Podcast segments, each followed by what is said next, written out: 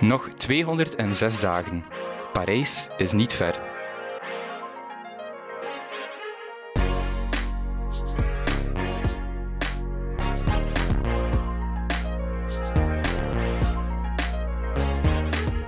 Hallo iedereen en welkom bij onze eerste aflevering van 2024.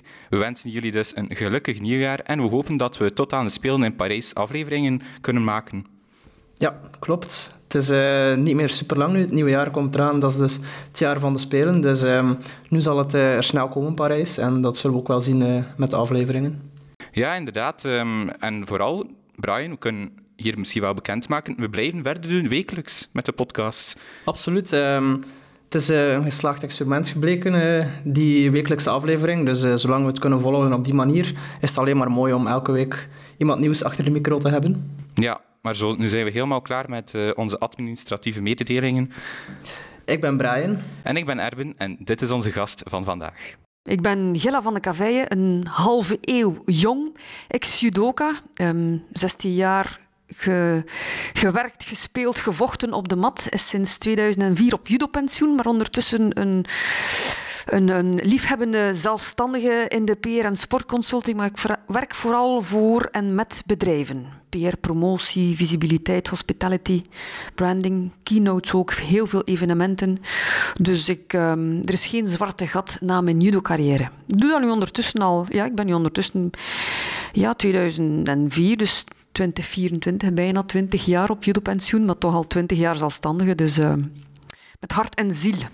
Dag Hella, hoe gaat het? Goed jongens, goed. En wat mag ik jullie wensen? Uh, vooraleer jullie de vragen nog vuren op mij, wat, wat zijn jullie goede voornemens of wensen voor het nieuwe jaar? Oeh, we worden hier direct uh, ja, zelf ja, dus, onder vuur gelegd. gepakt op snelheid. Uh, ja, mijn wensen, als ik dan bij de podcast bleef, is gewoon om uh, ja, iedere week nog toffe gasten te kunnen brengen. En um, ja, onze ultieme droom is misschien wel met de podcast naar Parijs gaan. Ja, dat zou de kers op de taart zijn. Als dat niet lukt, zijn veel medailles in Parijs ook is ook een heel mooie, natuurlijk. Daar eventueel uh, een Belgisch gemedailleerde interviewen. Ja, inderdaad, dat zou wel fantastisch zijn. Maar persoonlijk ook, ja, natuurlijk, het is ons afstudeerjaar, dus uh, afstuderen zou ook al mooi zijn uh, komende jaar. Wat is moeilijker, afstuderen of een medaille voor een Belgische atleet? Gouden. Ja. Oeh, allebei vrij makkelijk, medaille. Allebei vrij makkelijk, hoop ik. Oké, oké. Voor de luisteraars, ik, ik, heb een gelijkaardige richting gestudeerd, management journalistiek. En ik, ik vind toch wel dat een um, Olympische medaille winnen um, moeilijker is dan een diploma halen. Ja. Ja, ja, dat denk ik ook wel. Veel, veel harder werk, veel langer... Langer, langer, uh, langer project natuurlijk. Ja, ja, ja. Um, ja, voor we stap voor stap overlopen, wat je allemaal hebt gedaan in je carrière. Hoe zou jij je carrière kort omschrijven? Je hebt al je na-carrière daarnet even kort omschreven, maar hoe zou jij jouw sportieve carrière kort omschrijven? Um, ja, succesvol. Um, iets waar ik nu veel trotser op terugblik dan toen ik uh, aan het bouwen was aan mijn carrière, toen ik er volop in zat. Um, toch zo goed als alles kunnen realiseren, mijn dromen en mijn ambities. Um, het enige hiaat is Olympisch goud, maar goed, dat, is, dat wordt wel gecompenseerd door Olympisch zilver en brons. Uh, voorlopig zijn er twee Belgische atletes met twee Olympische medailles. En nu is dat weer een quizvraag voor jullie. Wie is de andere dame met twee Olympische medailles? Uh, Nafitian. Maar zeer goed. Maar zeer goed. Tweemaal goud zelfs. Een extra... Allee, een, fantastische atlete ook. En, uh, en ook gecompenseerd met twee wereldtitels. Dus tien jaar op nummer één op de wereldranglijst. Dus ik, ben wel, ik kijk wel best tevreden terug op mijn judo-carrière. Ook niet gespaard gebleven van blessures. Toch een... Um, een knie-kruisbandoperatie. Twee maand, ja, twee maanden voor de Spelen uh, scheur ik mijn uh, kruisband. Dat belet mij niet om toch op één been, bij wijze van spreken, een Olympische medaille, mijn tweede Olympische medaille te winnen, brons in Sydney. En dan een week daarna toch geopereerd te worden. En dan natuurlijk de spectaculaire val op mijn hoofd. Nekwervelbreuk, dat was wel kantje boord. Um, daar ben ik echt wel door het oog van de naald gekropen. Maar hoe omschrijf ik mijn um, sportcarrière? Uh, succesvol. Voilà, nergens spijt van. Ja, we waren er zelf niet bij, maar ik sprak met een paar mensen die die, die dat wel beleefden toen. En ze spraken van een wereldster in België. Beleefde je dat zelf toen ook zo? Ja, in die tijd waren wij wel vedettes in België. Ehm, we hadden natuurlijk een fantastische bondscoach die het judo heeft vermarkt, hè, verkocht op basis dankzij onze prestaties. Want oh, geen prestaties kan je het ook niet uh, verkopen naar de buitenwereld toe. Um, ja, dat kan je wel zeggen. Ja, wereldster in België. Maar wereldberoemd in Belgisch voetbal. Moet niet buiten de landsgrenzen. Um, maar inderdaad, de meeste prestaties dateren van vorige eeuw. Dat wil wel iets zeggen. Hè. Um, de jaren 90 waren de gouden judo-jaren. Ik weet niet wanneer dat jullie geboren zijn. 23. Begin 2000. millennials, ja, ja, ja. inderdaad. Um, afstuderen, dus 23 denk ik zo. Vier, vijf jaar opleiding. Uh, drie jaar opleiding. Drie jaar, ja. ja. Dus jullie hebben dat in feite gemist. Um, ehm, 2004 ben ik dan, ja, heb ik mijn judopak aan de haak gehangen. Dan zaten jullie nog in de luiers, of net niet meer. Um, maar um, ja, de mensen die dat beleefd hebben, ja, kennen Oela en Gella wel. Hè. Ze, ze, vernoemen ons in één adem. De West-Vlaamse meisjes die het Belgische judo toch verder groot hebben gebracht na Robert en Ingrid, de pioniers. ja. En het begon allemaal toen je acht jaar was. Je bent begonnen als achtjarige met judo. En dat was samen met een buurjongen. Klopt dat? Ja, zeer goede voorbereiding. Proficiat, daar hou ik van. Um, heel toevallig. Judo in die tijd was ook geen alledaagse sport. En mijn buurjongens deden judo. En dan ben ik eens met hen um, meegeweest naar de club. En ik ben gebleven en zij zijn afgehaakt. En um, ja, en als kind deed ik ook wel van alles. Hè. Allerlei sporten, waar, ook waaronder zwemmen, lopen, atletiek, voetbal, uh, judo. Ik heb ook nog klarinet gespeeld en in een fanfare gewandeld. Toen mijn pakje af was zo voor die fanfare, dan heb ik mijn klarinet ook aan de haak gehangen. Mijn onkel was trouwens dirigent, vandaar. Hè. De link was, is niet ver. Maar um, met buurjongens, ik denk dat ik acht was. Maar ja, ik vond dat wel tof. Ik kon daar mijn energie in kwijt. Mijn ouders content dat ik niet langs straat rondhing, maar dat ik mijn energie kon kanaliseren op de mat. Um, en judo is altijd gebleven. De rest is allemaal achterwege gebleven, maar judo heb ik altijd wel volgehouden, ja. Door wat komt dat dan? Door de individuele competitie? Of? Nee, niet door het leuke aspect, denk ik, van het judo. Ik mocht dan ook knokken tegen de jongens, want we waren maar met twee meisjes in de club. De andere meisje is dan ook gestopt. Um, maar we hadden een heel goede jeugdtrainer. We, we gingen dan ook met die jeugdtrainer zo net over de grens naar Nederland of zo naar Frans-Vlaanderen. Um, dus echt wel een zeer goede jeugdtrainer, Roland de Croo. De familie de Croo deed ook helemaal, um, was ook helemaal bezeten door het judo. En dan op mijn vijftiende... Ja, waarom ik judo volgehouden heb, het leuke aspect. Eén man tegen man, of man tegen vrouw, of vrouw tegen man.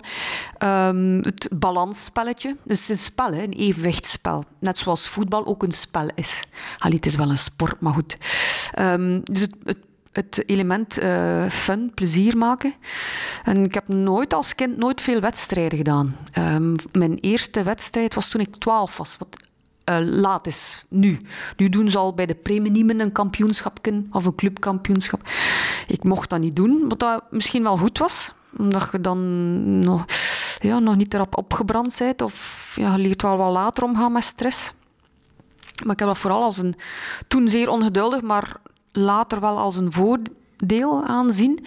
Um, maar oké, de variatie in de sport. En op 15 jaar heb ik dan mijn huidige trainer en toeverlaat. Allee, hij is nu wel niet meer mijn trainer, maar ik ben nog altijd coach. Maar hij is belangen mijn coach niet meer. Maar we werken nog steeds samen. Eddie Vinkier, dat is waarschijnlijk een van jullie volgende vragen. Mhm. De rol van Eddie. Um, maar op mijn vijftiende kwam ik onder zijn vleugels terecht. En um, dan was ik vertrokken van een beloftevolle jongere en hij een, een clubcoach naar Olympisch niveau. En die overstap, dat was toen naar Hoogleden, de club in Hoogleden mm toen. Was het dan al de keuze omdat dat daar professioneler aan toe ging dan je jeugdclub? Goh, mijn jeugdclub zat in een kleine crisis, want de, de, de trainer, de hoofdtrainer was overleden en de jeugdtrainer ging ook naar een andere club en ik zat zo wat op een tweesprong. Het was ofwel stoppen ofwel doorgaan Eddy volgen naar Hoogleden. Um, toen werd ik ook een eerste keer geselecteerd voor de provincie. En dan had ik weer nieuwe elan, een nieuwe richting in. En ja, was ik toch wel terechtgekomen in goed, goede handen. Um, en ja, dan was ik weer vertrokken. Iets, iets een man met iets meer ervaring. Want als kind, en zeker voor mijn ouders, was dat... Ja, zij wisten niet, niks in feite van, het, van de sport en van het milieu. En uh, Die had er wel een succesvolle damesploeg uitgebouwd. En dan waren we vertrokken en dan zijn we samen gegroeid. Zeker geluk bij een ongeluk dan, dat je naar Googleden moest. Ja, ja, een groot ongeluk was dat niet, maar goed, de, de gang van het leven. Hoofdtrainer sterft, de jeugdtrainer verandert ook van club. En dan op dat moment ja, een geschenk uit de hemel. Uh, de Neddy die op mijn pad komt, of ik die op zijn pad uh, komt. En dan waren we vertrokken voor vele jaren. Hè. Ondertussen 15, dat was um, 18, 88. Dus we zijn nu 2004, dus wij werken bijna 36 jaar samen. Ja. Kan je die eerste kennismaking met Eddie nog herinneren? Ja, um, maar hij kan dat vooral zich goed herinneren. Dat was op een, denk een provinciaal kampioenschap. Hij moest een selectie maken voor West-Vlaanderen voor de dames. Hoe zegt hij, de dames, zegt hij, ik zal eens naar provinciaal kampioenschap gaan voor, de jeugd. En eens kijken wie dat er daar zo wat uitspringt. En ik had toen wel een broske, een gemillimeterd uh, koepe, kort haar dus. En ik was meer halve knecht dan, dan, dan een meisje in feite. Ik speelde ook niet met de poppen, kravotten meer in de tuin. En, en toen blijkbaar moet ik in zijn oog gesprongen zijn bij Eddy en heeft hij mij geselecteerd. Heeft toch eerst wel eens de deelnamelijst bekeken dat ik wel degelijk een meisje was, want ik kon dat niet zo goed opmaken. Maar um, dan heeft hem tien dames geselecteerd, waaronder ik. En zij hebben op een interprovinciale stage geweest naar Antwerpen-Zoersel. Dus tien West-Vlaamse dames en tien Antwerpse dames en nog wat aangevuld zo. En dat was een weekend, denk ik, drie dagen um, mini-stage. Ik was 15, dus dat was nog redelijk jong. Tegenwoordig zijn ze aan hun 15, 16 al bijna volwassen. Maar ik was een laadbloeier en um, ik mocht mee met Eddy. Heel content. Dan had ik Eddie ook gevraagd van mag mijn maat mee? Een vriendinnetje van, vanuit de buurt, die ook judo deed. En um, ja, dan waren we vertrokken. Ja, dus ik herinner mij dat nog vrij goed. Dat was een, dat was een weekend um, waarbij we hard getraind hebben, veel plezier gemaakt, veel kattenkwaad ook uitgehaald. Kattenkwaad, ja, zoals? Oh, uh, ja, de klassieke, de typische dingen met slagroom en de deuren uit de hengsels en ja, enfin, de onderbroeken humor. Hè. Um, maar ja, dat hoorde erbij. Hard, hard trainen en veel plezier maken. Ja. Zo groeit je. dus Eddie was wel van de beide dan? Hard werken, maar ook... Uh, Zeker. Ja. Um, Eddie was streng en rechtvaardig. We hebben hard getraind onder hem. Maar hij had evenveel oog voor ontspanning. Uh, want uiteindelijk is rust ook een training. En um, voor hem is uh, plezier maken nog altijd uh, een van de belangrijkste dingen. Want dan kan je het volhouden. Als je geen plezier maakt, hou je het niet vol. En hielpen zo'n stages dan ook in je, voor die resultaten tijdens je jeugd? Um, ja, dat was een kennismaking. Dat was de eerste mini-stapjes naar hoger. Hè. Dus uh, provinciaal niveau en dan regionaal en dan nationaal niveau. Uh, en dan internationaal. En dan is het wel redelijk snel gegaan, ja.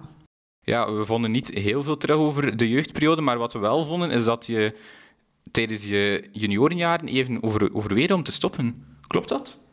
Omdat na het WK bij de junioren werd je ah, vijfde ja. en ja. Ja. dat je even dacht ja, om eventueel te stoppen. Ja, met mijn studies ook. Ik was 18. Ik stond op een tweesprong om... Uh, waarvoor ga ik kiezen?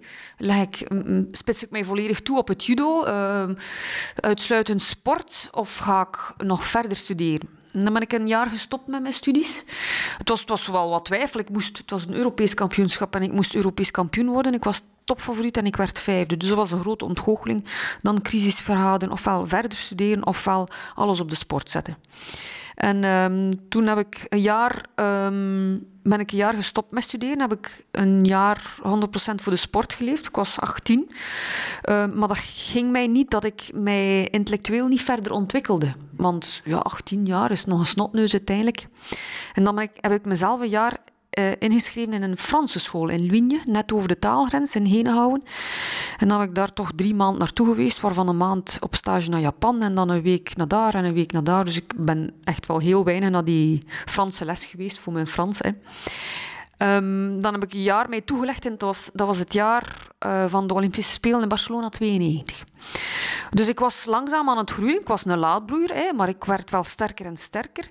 Um, dus ik kreeg dan... Ik won een eerste Olympische selectie, wat al een grote opstap is. Maar het feit dat ik niet studeerde, dat ik mij niet verder kon ontwikkelen, terwijl dat mijn klasgenoten uh, toegepaste economie, pol en sok, en geneeskunde en doctoraat uh, studeerden, dacht ik, als zij dat kunnen, kan ik dat ook. En dan nadat uh, die sabbatical in feite, of dat jaar onderbreken van studies, ben ik hier in Gent begonnen met communicatiemanagement. En dan heb ik sport met studies gecombineerd. Ik ging uh, het morgens en s avonds uh, trainen en overdag ging ik naar de les. Dat was natuurlijk een zeer uitdagende combinatie. Uh, en dat eerste jaar, ik ben dan ondertussen al twintig, dus mijn eerste jaar hoger onderwijs. Um, dat is het moeilijkste jaar, want dat is de grootste drop-out. Um, de grootste selectie, 1 op 5 was er door. Ik was erbij, maar dat jaar werd ik ook wereldkampioen bij de senioren. Dus ik, breek uiteindelijk door. 92 was nog wat, nog wat groeien en ervaring doen. En 93 breek ik door, door met een vice-Europese titel, dus zilver op het EK en wereldkampioen. Um, en wat was uw vraag nu weer? Sorry. Ja, over dat stoppen. Ah ja, ik was 18 en, en, ik ging inderdaad um, ofwel stoppen met judo en verder studeren, ofwel stoppen met studies en alles op het judo zetten. Ik ben dan nog gestopt met mijn studies een jaar en alles op de sport, maar ik ben daar dan op teruggekomen en dan heb ik de beide gecombineerd. In die tijd was er inderdaad in theorie sprake van het topsportstatuut, maar dat was mooi in theorie. In de praktijk um, sloeg dat nergens op. Dan heb ik mijn plan getrokken, ik werd wereldkampioen en dat eerste jaar kreeg ik 0,0 faciliteiten op de hogeschool hier in Gent. En dan het, ik werd toen op het einde van dat jaar wereldkampioen. En het tweede jaar kreeg ik alle faciliteiten. Maar ik moest wel elke keer in elk interview mijn school vermelden. En dan was het geen probleem. Dus um, ja, de, combinatie topsportstudies is niet, niet eenvoudig. Toch niet in die tijd. Nu verspreiden ze jaren en zo. Ik kon dat ook wel doen, maar ik wou voor de korte pijn. Ik wou inderdaad zo snel mogelijk afstuderen. Wat dan nog altijd gemakkelijker is om terug te komen op de eerste vraag. Uh, gemakkelijker is dan uh, een Olympische medaille winnen. Ja, je liet het al even vallen. Um, ja, we concentreren ons altijd op de Olympische Spelen iedere keer. Je nam deel aan de Olympische Spelen in Barcelona uh, op je, als 19-jarige was dat toen. Was dat een verrassing voor jou dat je daarvoor plaatste? Want zoals je, zelfs, je zei zelf, dat je een laadbloeier was. Ja, ik was, ik was 19 en in, ja, in de categorie min 61 kilogram. Dat wil zeggen waar de meeste dames in zitten, want de meeste dames wegen rond de 61. Dat is zo'n piramide, een omgekeerde piramide. Um, en en hoe, hoe lichter, hoe minder dames, hoe zwaarder ook, hoe minder dames. Dus dat was de meest courante categorie, um, waar vooral de maturiteit en de volgroeidheid van een vrouw het belangrijkste was. Dus ik, was daar, ik zat daar 19 jaar, ik was een laadbloeier, uh, helemaal nog niet musculair en mentaal nog niet ontwikkeld. Maar ik had toch wel mijn plaats afgedwongen voor de Olympische Spelen. Dus dat op zich was al een overwinning. Dus ik mocht de eerste keer naar de Olympische Spelen gaan in Barcelona 92. Mijn, mijn leukste spelen in feite. Omdat ik nog geen stress had, ik had nog geen verwachtingen. Ik was geselecteerd. Dat op zich, daar bereiken, was al, hè, was al iets ongelooflijks. En dan leg ik daar toch wel een mooi parcours af. Ik word negende. Um, net buiten het prijzengeld, jammer. Want tot uh, met acht uh, krijg je een premie en vanaf de negende niet meer. Maar dat was de leukste spelen, omdat dat was in Barcelona 92, dat was een privéstrand aan zee. Uh, dat was een lancering van de, die Magnum-ijsjes ook. Dat was de eerste keer dat dat op de, markt, op de markt kwam. In het dorp was er een McDonald's, allemaal gratis. De Pizza Hut, allemaal gratis. Dus ja, na de wedstrijd. Dat privéstrand liep vol. We sliepen dan allemaal um, buiten en we laten ja, naar de McDonald's, hamburgers en zo. De decompressie na een groot kampioenschap. En dat was ook, ja, dat, voor mij was dat de leukste spelen. Geen stress, geen verwachtingen. Um, uw ding doen en dan genieten. De decompressie. Het feit dat je ook die Magnum-lancering... Ik weet dat um, nog, dat is al zo lang geleden. Ja, is dat omdat de Olympische Spelen zoveel extra is dan alleen sporten zelf, dat is zo'n groot evenement, globaal. Is dat daar ja, mag herinneren ook? Dat is moeilijk te vatten als buitenstaander. Al die sporten samen, al die atleten samen. Dat Olympisch dorp, um, dat is echt een dorp met een, een wasserij. En, allee, dat was ook het begin van de gsm's ook in 92. Allee, de echte primitieve gsm's, de Nokia'tjes nog. De voorloper in feite van de Nokia's. Um, ja, dat, dat was... Dat was een en al verbazing en verwondering. En ja, dat is een grote wereld die openging. Um, een dorp speciaal voor jullie gemaakt, allee, voor ons, voor de atleten. Um, en dan die wereldpers. Ik weet nog goed dat ik Carl Lewis ook op zijn schouder heb getikt met de camera van de VRT in mijn hand. Um, Nou, dat was een ontdekkingsreis. Dat was één, één, één speeltuin in feite. Ja. Maar dan vier jaar later werd het ernstiger. Hè. dat was 92, dus ik, ik, was nog niet echt doorgebroken. In 93 was het jaar van het doorbraak. in 92 begon dat zo. Ja, maar dat was een zeer leuke spelen, ja. Ja, 93 was echt wel een strafjaar, want richting het WK won je 21 van de 22 kampen toen. Enkel de EK-finale verloor je toen, maar de WK-finale won je toen wel. Ja. Hoe beleefde je dat dan? Je was nog maar 20 jaar en domineerde eigenlijk al. Ja, ehm, ik denk dat dat ook ergens... Um, ik heb mentaal een klik gemaakt. De jaren daarvoor, ik, was, ja, ik liep niet over van zelfvertrouwen. Uh, ik moest nog wel tot volwassen dom uh, komen. Uh, een vrouw is op haar sterkst aan haar 6, 27 jaar. Ik was er toen ja, 19 en 92. En blijkbaar dat jaar na de Spelen win ik het grote toernooi van Parijs. Dat is de Masters, een Grand Slam, het officieuze wereldkampioenschap. En ik sta op het podium, dat is mijn mooiste podium ooit, als snotneus in feite tussen twee Olympische kampioenen en twee wereldkampioenen. En zelf had ik nog niet echt het toernooi van Parijs, dat is in februari, het officieuze WK. En daar moet ik ergens een klik gemaakt hebben, mentaal, want de week erop won ik de Masters in München. En dan was ik vertrokken. Hè. Vond ik het een achter het ander. Ik had ergens die klik gemaakt, dat zelfvertrouwen kwam. Dat ging alles eh, vlotte, de perfecte timing op de mat. En dan het, het EK. Eh, het, e, ja, het EK in mei, dat verloor ik dan wel de finale nipt. Uh, dat was tegen de vice-Olympisch kampioen. En dan, een paar maanden later, het finale van het WK was tegen diezelfde Israëlische van de Europese finale. En nu waren de rollen omgedraaid. Dus het was beter op het WK natuurlijk dat ik won. En, en dan was ik vertrokken. Hè. Het jaar 93 was echt wel op één na alles gewonnen. Het jaar van de doorbraak, dan was ik vertrokken. Ja, zelfs sportvrouw van het jaar geworden in dat jaar. Ja, ja, klopt. En dan, ik herinner mij de legendarische woorden van onze Russische trainer. Die zei van, Gilla, je hebt de top bereikt, maar aan de top blijven is veel moeilijker dan de top bereiken. Maar ik zeg, Sascha, wow, over, onoverwinnelijk wereldkampioen, hè. vol zelfvertrouwen. Maar wat je nu zegt, het moeilijkste, ik sta er nu en zo verder. Maar het jaar erop, effectief. Ik denk dat ik, ik weet het niet meer helemaal van buiten, ik zou een keer een keer spieken. In uh, Europees, ah toch, in 94 won ik dan wel goud. En dan het WK ergens zilver of zo, ik weet het niet meer helemaal van buiten. Um, maar werd het wel moeilijker om permanent alles te winnen. En dat, maar ik stond wel altijd op het podium. Toch wel tien jaar op nummer één, uh, onafgebroken. Dus ja, ik heb dan tien jaar gedomineerd. Hè. Maar een keer, een keer zelf, een keer brons, meestal goud. Maar de top, aan de top blijven, je moet je telkens opnieuw bewijzen, dat is, geen evidentie. Elk jaar moet je vanaf nul er beginnen. Uh, iedere, mm, dat is zoals een bedrijf, vanaf januari staan de balansen weer op nul, moeten weer winst maken en omzet tot op het einde van het jaar. En bij mij is dat juist hetzelfde. Allee, bij dat atleten is dat juist hetzelfde. Moet je telkens opnieuw bewijzen.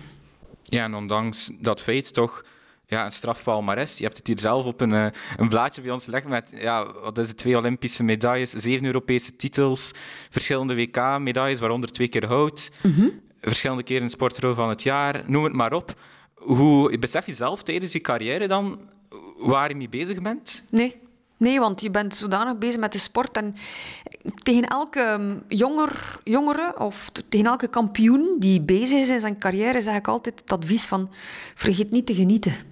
Maar we zijn zodanig ambitieus, we zijn razend ambitieus en we worden wereldkampioen of Europees kampioen of we winnen een belangrijk toernooi. We kijken al uit naar we kijken al verder en uit naar het volgende kampioenschap en toernooi. Terwijl dat we te weinig stilstaan met wat we gerealiseerd hebben of wat we gepresteerd hebben. Bij mij was dat juist hetzelfde. Um, maar natuurlijk, twintig jaar na de feiten worden al wat verstandiger en verzadigd. En dan blikt het terug en dan overloopt je je palmares. Dan denkt je, goh ja, dat is toch wel, toch wel het een en ander gerealiseerd op die pakweg ja, 10, 14 jaar. Um, en dan, dan wordt wel meer vervuld door trots en fierheid. Maar ja, ik ben niet echt iemand die veel achteruit blikt, behalve vandaag met jullie. Ik ben eerder iemand die vooruit blikt. Um, maar ja, met ouder te worden, na de carrière natuurlijk, veranderen je prioriteiten en je interesses. Um, maar ja, inderdaad, tijdens je carrière staat er daar te weinig bij stil. En zie je dat dan ook terug bij atleten, eh, dat ze er eigenlijk te weinig bij stilstaan Ja, ja. bij de successen? Ik herken dat wel, ja. Je herkent jezelf erin misschien. Ja, maar alhoewel dat atleten van nu zijn mondiger, zijn volwassener, het is een andere generatie. Ze worden beter begeleid eh, op alle vlak, medisch, financieel, professioneel, allee, ook qua sp- sponsoring en partnership. Ehm, in, in mijn tijd, dat klinkt zo, hè, in de jaren 90, vorige eeuw, dat was veel trial and error. Hè, met Eddie ook, hij, een clubtrainer en beloftevolle jonger. En eh, je baant u een weg met vallen en opstaan. En, en, en eh, ge- geleerd, gemaakt fouten, geleerd eruit. Hè. In feite was ik misschien wel wat voor mijn tijd. Ehm, maar nu worden ze toch wel... Allee, er was ook nog geen sprake van sociale media in die tijd. Dat is nog allemaal... ehm, Best misschien. ja, ja, dat heeft zijn voor- en zijn nadelen. Ehm prijzengeld is ook veranderd. Ehm, dan hadden minder, ja, minder de druk van sociale media, minder het forum waar dat je kritiek krijgt. Ja, ik denk dat voor een atleet nu misschien niet altijd even gemakkelijk is. Met zijn voor- en zijn nadelen. Elke periode heeft dat. Ja, je zei het net over eh, Atlanta 1996, dat dat echt veel meer was al voor resultaat, met een heel ander gevoel naartoe. Je won ook TK in aanloop naar eh, die spelen. Ging je dan dus ook vol voor hout? Wel ja, ja ehm, ik was wel favoriet. We waren met een paar favorieten in, in ehm, onze categorie. Ehm, en dan bereik ik... Mijn halve finale was in feite al een finale avant la lettre tegen de Koreaanse. Dat was al een grote clip dat ik had eh, overwonnen. En dan tegen de Japanse.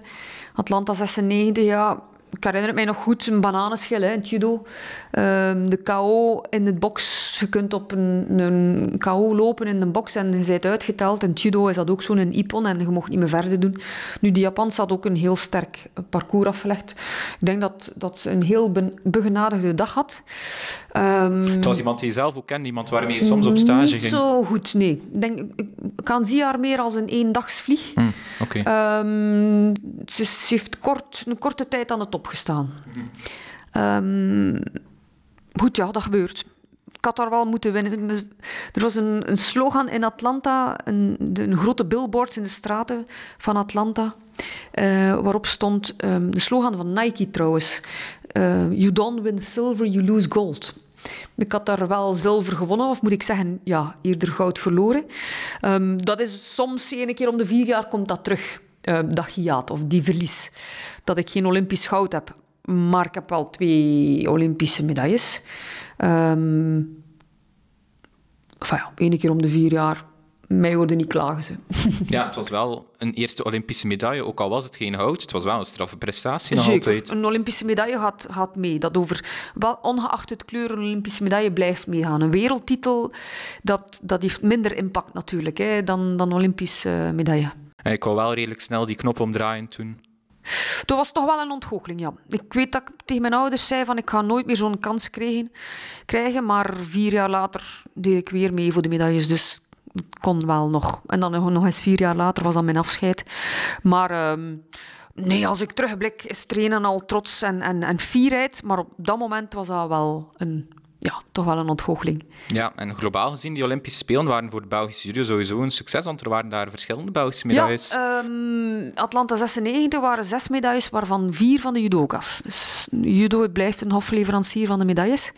Eh, goud, eh, zilver en tweemaal brons. Ja, Oela, ikzelf en dan Harry van Barneveld en Marie-Isabel Lomba, een Waalse judoka. Ehm, dus ja, het judo was daar echt wel ja, koplopers. Hè. Ja, dat was echt wel een succesvolle speler voor het judo, Belgisch judo. Ja, ik, ik, ik was zelf research aan het doen en ik was zelf verbaasd dat dat zo'n groot was. Want als dat nu, zo, nu zo zou zijn, dat een discipline vier van de zes Belgische Ja, ja. medailles zou zijn, ja, de sport zou immens populair worden. In Barcelona 92 hadden we mm, won of verloor. ehm, het Belgisch judo verloor vier keer een bronzen medaille. Dus ze, ze, ze, ze verloren, ze grepen vier keer naast brons. In Barcelona 92. Ehm, ja, dat was, dat een grote ontgoocheling natuurlijk. Maar de- omdat een bal niet rolde. Het, het, was, sloeg al tegen. Allee, toch voor de medailles. Dan vier jaar later, Jean-Marie zegt, we gaan naar de Mont Blanc. De top van de Mont Blanc beklimmen. Teambuilding, iedereen naar de top van de Mont Blanc. Er is maar één plaats die telt. Dat is de top van de Mont Blanc. Dat is de eerste plaats. Top van het podium. Dat is die gouden medaille. Dus Barcelona 92, hè, je doet dat dan een paar maanden later. En in 93 word ik voor de eerste keer wereldkampioen. Tien jaar na Ingrid Bergmans. En net voor de finale um, flitst dat door mijn hoofd dat Jean-Marie zegt, er is maar één plaats die telt. En ik denk van, ik sta hier in de finale. Als ik die finale verlies, heb ik zilver. Maar nee, er is maar één plaats die telt. Dat is goud. En dan, toen won ik die finale ook. Um, maar vier jaar later in Sydney... Um, Sydney 96, uh, Atlanta 96, um, moeten we kampen voor de medailles en de bal rolt. Dus we kampen vier keer voor de medailles. We hebben vier medailles. Dus in Barcelona 92 draait het vierkant en verliezen we vier uh, bronzen plakken. In Atlanta 96 draait alles goed, de bal rolt en we winnen vier medailles. Dus het moet ook wel wat... Allez, de ene moet de andere wat motiveren en, en het moet allemaal ook een beetje meezitten. En als het allemaal meezit, ja, dan zijn we vertrokken. Hè. Voel je dat dan ook meteen, dat het meezit? Op in 96? Ja, je zit in een soort moed en een soort drive. Nu, het is, het is wel zo dat, dat per dag, zeven categorieën, uh, mannen, zeven categorieën vrouwen. Dus per dag is er één categorie mannen, één categorie vrouwen. Dus elke dag één. Um, dus ik denk, Harry begon als zwaargewicht en toen was het... Uh, een dag, één of twee dagen later was het Oela, dan nog twee dagen later ikzelf en dan nog een dag later Marisabel. En ja, dat, dat, dat ging vlot, hè. Dat was het ene na het ander. Dat was echt, ja, fenomenaal, hè. Historisch. Ja, je had het er al even over die beklimming van de Mont Blanc. Um, ja, dat moet toch iets fantastisch zijn voor die samenhorigheid van de groep. Ja, dat was een, een, teambuilding. Hè. Allemaal met hetzelfde doel. Dat is belangrijk, hè, dat de ploeg hetzelfde doel heeft. Met alle de neuzen in dezelfde richting. En we werden verzekerd aan elkaar. Dus je zei in feite ook wel afhankelijk van elkaar. Uw veiligheid is afhankelijk van de andere. Dus we stapten in Cordé naar boven. Hè, en het is moeilijk, het is mist en het is ijle lucht. En hij, sommigen zijn hoogteziek. Jean-Marie was hoogteziek, de coach zelf. En hij werd afgevoerd uh, met een helikopter in zilverpapier gewikkeld. Dus hij heeft niet 300 meter onder de top is hij gestrand. Dus hij heeft niet op de top gestaan. Hij heeft niet de emoties beleefd dat wij gevoeld hebben op de top. Um, we noemen hem nog altijd Chocotov, hè, omdat hem in zilverpapier, en Chocotov is ook in zilverpapier gewikkeld. En dus wij hebben die euforie gekend van op de top van de Mont Blanc te staan, Jean-Marie niet. Dat is het verschil tussen, tussen goud en zilver of brons. De eerste plaats die telt. En ja, dat was toch wel een, een symbolische boodschap die ik zeer letterlijk heb genomen. 93 was prijs, ja. Eigenlijk grappig dan dat de man die achter het project komt, met het idee kwam dat hij dan niet de top bereikte. Ja, ja Jean-Marie was misschien op dat moment niet de meest fitte. Maar hoogteziek, hoogteziek uh, is hoogteziek, daar kun je niet aan onderuit. En ja, voor mij een, een hoogtepunt, toch in, in die periode voor de Belgische Euro, was DK 1997 in Oostende. Um, ja, ik kan het mezelf nog herinneren van beelden van uh, in een Belgasport van een, van een aantal jaren geleden. We waren nog niet geboren, denk ik, hè? In, in 97 niet, nee. Nog lang niet. Nee. Nog lang niet, nee. Um, maar ja, die beelden, als ik die, be die ja. bekeek, dat lijkt echt fantastisch te zijn voor het Belgische judo. Dat was, dat was mega ook. Um, dat was het jaar na 96. We zaten nog altijd in die roes op die golf. Hè. Vier Olympische medailles voor het Belgisch judo. Jean-Marie nam het heft in handen en zegt... Ik ga een EK organiseren in eigen land in zijn stad Oostende. Um, ja, het EK Oostende 97, dat was... En ook wederom, die bal rolt. Um, ik denk zes, zes gouden medailles en nog drie bronzen of zoiets. Help mij, ik weet het niet. Maar dus, ja, zes gouden. Ja, ja, ja zes gouden medailles inderdaad, uh, ja. Iedereen werd daar Europees kampioen die in de finale stond. Dus al de finalisten wonnen finale.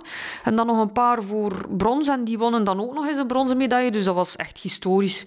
Het was ook zeer goed georganiseerd. En Ben Krabbe was de speaker die om, omriep. En dat was echt met, muziek en omroepen en roepen. En, en ik weet nog goed, ja, ze zijn altijd het thuisvoordeel. Maar ik hoorde zoveel lawaai. Ben die riep, uh, het publiek die joelde en uit zijn dak ging. En ik moest opkomen voor mijn finale. En ik dacht van, jongens, zijn jullie allemaal stil? Ik wil mij focussen, ik wil mij concentreren. Van, allee, dat was hetgene dat toen op mijn, door mijn hoofd ging als ik op de mat kwam. En um, ja, ik ben soms wel een diesel en ik kreeg direct een Wasari en een, en een, en een Yoko tegen. Allee, dus wat punten tegen. En um, ja, ik, was, ik zat dan al in een armklem. En um, ja, dan moest ik precies met een turbo aanschakelen naar een turbodiesel. En dan heb ik toch nog gewonnen met, met Ipon, een spetterende Ipon wel. Maar wederom iedereen won zijn kampen en we, we graaiden de medailles naar huis en dat was fantastisch. Dat was echt historisch, ja. Voor het Belgisch judo. 96 en 97, dat was in feite onwaarschijnlijk, ja. Als je zo achter staat tijdens een kamp, kan je dan tactisch bijschakelen of hoe gebeurt dat dan? Ja, dat was dikwijls wel een terugkomend probleem bij mij, dat ik ja, als een diesel begon. En ik begon dan, kreeg dan al dikwijls... Hè, ik stond dan op achterstand en, en dan schoot ik wakker. Um, zolang dat niet te laat is, want een judokamp duurt niet zo lang. In, in die tijd, allez, in uh, vier minuten, dan konden dan nog... Ja, dat was op beslissing. Nu is het met gouden scoren, kan dat heel lang duren wel. Um, maar dan moest ik wel een versnelling hoger schakelen en dan was ik onmiddellijk wakker. Maar ik moest wel eerst wat, wat, wat punten tegen, rond mijn oren krijgen, hè, wat klappen. En, um, dus dat kwam wel terug. Dus ik ben er dan ook wel op geoefend. Het is een beetje die focus. Hè. Die, die ontbrak die eerste 30 ja, seconden. Ben je dan niet scherp genoeg of met andere dingen bezig? Uh, nee, maar, ja, ook ja, slaap misschien niet, niet, niet fris, niet, ja, niet scherp, niet alert genoeg. Uh, ja, aan, aan wat ligt dat, hè? nog, nog steeds geen antwoord op gevonden. Eh. Ja, misschien slaap en misschien ervaring en misschien ja, het concentratie. Maar in de tweede helft van mijn judo-carrière is dat wel gebeterd. Ja. In die periode 96, 97 studeer je ook af. Ja. Um, is dat dan ook een last die van je schouders valt, waardoor je volledig op de sport kan richten? Ja, zeker. Um, tijdens mijn studie heb ik dan zo verlangd naar um, het afstuderen, naar dat laatste examen. En ik ging naar dat laatste examen en ik dacht van... Ja, dat is mijn laatste examens. Hè. En wat voel ik nu? Ik ben blij dat ik er vanaf ben. Allee, ja, maar dat is goed. Hè. Voilà, het was gedaan. Hè. Diploma. Dan moest ik nog een stage doen op het, IO, het BOIC, het Olympisch Comité in Brussel, heb ik gedaan. Um, maar inderdaad, dan, moet dan kun je effectief eens rusten tussen de trainingen door in plaats van hè, met geeuwen en gapen in je boeken te duiken en zo. Dus dat was best wel lastig. Dat was inderdaad wel soms wel een zeer, zeer veel eisende combinatie. Dus dat viel dan wel weg. Maar anderzijds, het ene motiveerde wel het andere. Mijn studies motiveerden om uit te blinken in de sport en mijn sport motiveerde mij om het goed te doen op de schoolbanken. Dus ik wou goed doen op beide vlakken. Wat al best wel ambitieus was, um, maar toch was dat wel, toch wel een, wat druk van de ketel eenmaal ik mijn diploma had. Ja, en um, ja, ondertussen bleef je goede resultaten opstapelen. Maar in 1998 kwam er dan een eerste ja, oponthoud door een zware blessure. Um, je, brak een nek, je brak een nekwervel uh, op het TK voor landenteams toen. Heb je daar nog herinneringen aan, aan hoe dat gebeurde? Oh, ik heb dat allemaal heel helder en heel bewust beleefd. Dat was tegen een Duitse judoka, Anja van Rikowski. Um, ja, dat is, dat is een, een, een een, par, een, een, een, concurrent, een tegenstander die ik zeer gemakkelijk kon um, uh, werpen of halen of winnen. Um, en ik scoor daar een Wazari tegen, dus een half punt. Wat dat in feite al een Ipon was. Kon al afgelopen zijn, maar ik krijg maar een half punt. Dus we, we, gaan verder en dan doe ik een aanval, countert ze mij en dan val ik op mijn hoofd, omdat ik niet op mijn rug wou vallen. Dus in feite is het echt, er is daar niet echt iemand schuld of iemand hè, de oorzaak. Uh, maar ja, dan valt op je hoofd een, een uitzonderlijk ongeval. Niet uh, veelvuldig of weinig voorkomend ongeval. Um, ja, dat was, dat was ja, nep natuurlijk, kantje boord. Uh, het breekt uw nek. Ik had enorm veel pijn, zenuwpijn in mijn arm. Omdat dat, dat niveau van wervels dat je breekt in jouw hals zorgt voor uitstraling in jouw arm. Dus al mijn aandacht ging naar mijn arm, maar ik had helemaal niks in mijn arm. Dat, dat kwam van mijn nek. Dus de ploegdokter die mee was, was een rugspecialist. Dus die kon daar redelijk goed inschatten van waar dat, dat kwam. Um, dan ben ik zelf nog recht gestaan. Dom, dom, dom. Want als ik toen had gestruikeld, kon het misschien wel fataal geweest zijn. Maar ik, in elk geval, ik wou recht staan om te zien dat het ja, in feite niet zo erg was. Ik kon nog bewegen, ik kon nog zelf recht staan. Maar was ik toen gestruikeld, ja, dat was uh, dan had misschien niet goed afgelopen. Maar dan ben ik gewandeld naar de opwarmingszaal en dan hebben ze mij wel afgevoerd. En dan begon het, hè, eh, scans in... Het was gebeurd in Villa en dan naar uh, scans, allee, foto's. dan zagen ze dat een fractuurluxatie, dus instabiel. Dan gerepatrieerd naar Klagenvoort en van daaruit met een medische jet naar Wevelhem en dan van, met de helikopter van Wevelhem naar Gent. Ja, dan twaalf uur later ben ik geopereerd geweest Ja, dat was wel. Ja. Mijn, mijn Eddie, mijn trainer en mijn vader zaten in Amerika omdat ik een week later de US Open ging kampen. Maar ja, ik ben daar natuurlijk niet geraakt in 98 en dat was... Ja, ik, Jean-Marie wou dan ook bellen naar mijn vader en naar Eddie. Maar ja, gsm's, dat was nog niet zo... En, ja, dat begon zo wel wat, hè. Um, maar ja, dat was moeilijk om hen te bereiken. Het is dan uiteindelijk toch gelukt. Dan zijn zij teruggekomen van hun reis in Amerika.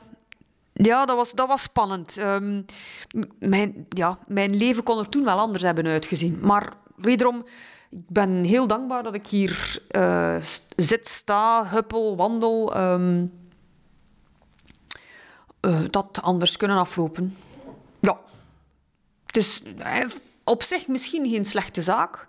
Hey, dat, is, een mijlpaal. Dat heeft mijn carrière exact in twee delen, exact twee dezelfde delen. Want voor mijn ongeval had ik Olympische medaille, een wereldtitel en wat Europese titels. En na mijn ongeval had ik ook een Olympische medaille, wereldtitel en wat Europese titels. Dus het is ergens een mijlpaal dat mijn carrière... Ik was toen uh, 98, uh, drie, 26, 25 jaar. Ja, 25 jaar. Op je uh, top eigenlijk dan? Ja, mijn sterkste jaar moest er nog komen. Maar ik had op dat moment zo even... Oh, ik moest dan nog drie, wedst drie wedstrijden op rij doen. Dus het EK per ploeg, dan een week later de US Open en dan nog eens een EK per club. Met mijn Franse club. Um, natuurlijk, ja, ik had dat ongeval dat eerste kampioenschap. Um, het was het einde van het seizoen, ik was moe. Is, is dat het er een? Heeft dat er iets mee te maken? Ik denk het niet, want ik had die kamp moeten winnen. Um, ja, voor hetzelfde, voor hetzelfde geld wordt er daar wel een ippon gegeven ja, en er gebeurt wordt er een niets. ippon gegeven en is die afgelopen, die kamp, en is er niks aan de hand. De scheidsrechter heeft er anders over beslist. Maar ik was, het einde van het seizoen ik was misschien wel mentaal moe en dan word ik verplicht om, om te rusten, om te stoppen. Uw carrière, ze weten niet of dat je kunt uw carrière verder zetten, al dan niet. Want dokters zeiden, je kunt niet meer judo doen op topniveau. En ik denk, oeh, ik heb geen plan B. Uh, ik, wil zelf kiezen wanneer ik uh, mijn judo-carrière beëindig of een punt erachter zet. En niet omwille van een, van een accident. En dan, uh, ja, dan denkt je van na. Dan ondertussen zijn Eddie en mijn vader terug thuis. En dan eerst goed herstellen. Als mens kwam het in orde hebben ze altijd gezegd. Inderdaad, dat is in orde gekomen. Um, en dan ben ik, heb, moest ik die periode een examen afleggen, judo. Uh, voor, denk vierde dan of zoiets. Ik heb tien dans, zwarte gordel en dan heb je tien dans. En heb ik dan met zo'n nekkraag die, dat examen afgelegd. En dan ben ik um, stilletjes speels herbegonnen met kinderen. Stap per stap zo. Oké, we beginnen met kinderen en we gaan... Hè. Als ik terugkom, is het tot de top, de wereldtop, of niet. Met subtop kon het niet leven. Want ik was er geweest aan de subtop, ben, ben de beste geweest, ik domineerde mijn categorie. Dus ik wil proberen om terug te komen, maar het is voor alles of voor niks. Als het niet lukt, dan stop ik ermee. En um, steeds een onderling overleg met de chirurgen, want die hadden gezegd van ja, hè, geen topsport meer. Maar ze zeiden van, doe hij maar, zolang het lukt. Als je geen zeer hebt, geen schrik. Hè. Ja, want psychologisch, ik heb dat niet te veel in die soep geroerd. Hè. Ik heb dat niet gedaan alsof dat er niks gebeurd was. Ik heb dat niet geanalyseerd, dat ongeval. Ik weet heel goed hè, hoe dat gebeurt. Dus ja, je dacht er daar... ook wel aan terug waarschijnlijk. Je dacht er ook wel eens, Zeker, ja. zeker. Maar ik ga er niet te lang bij blijven bij stilstaan. Allee, er waren EK per ploeg in Villach, 98. Um, we waren topfavoriet om Europees kampioen per land uh, te worden.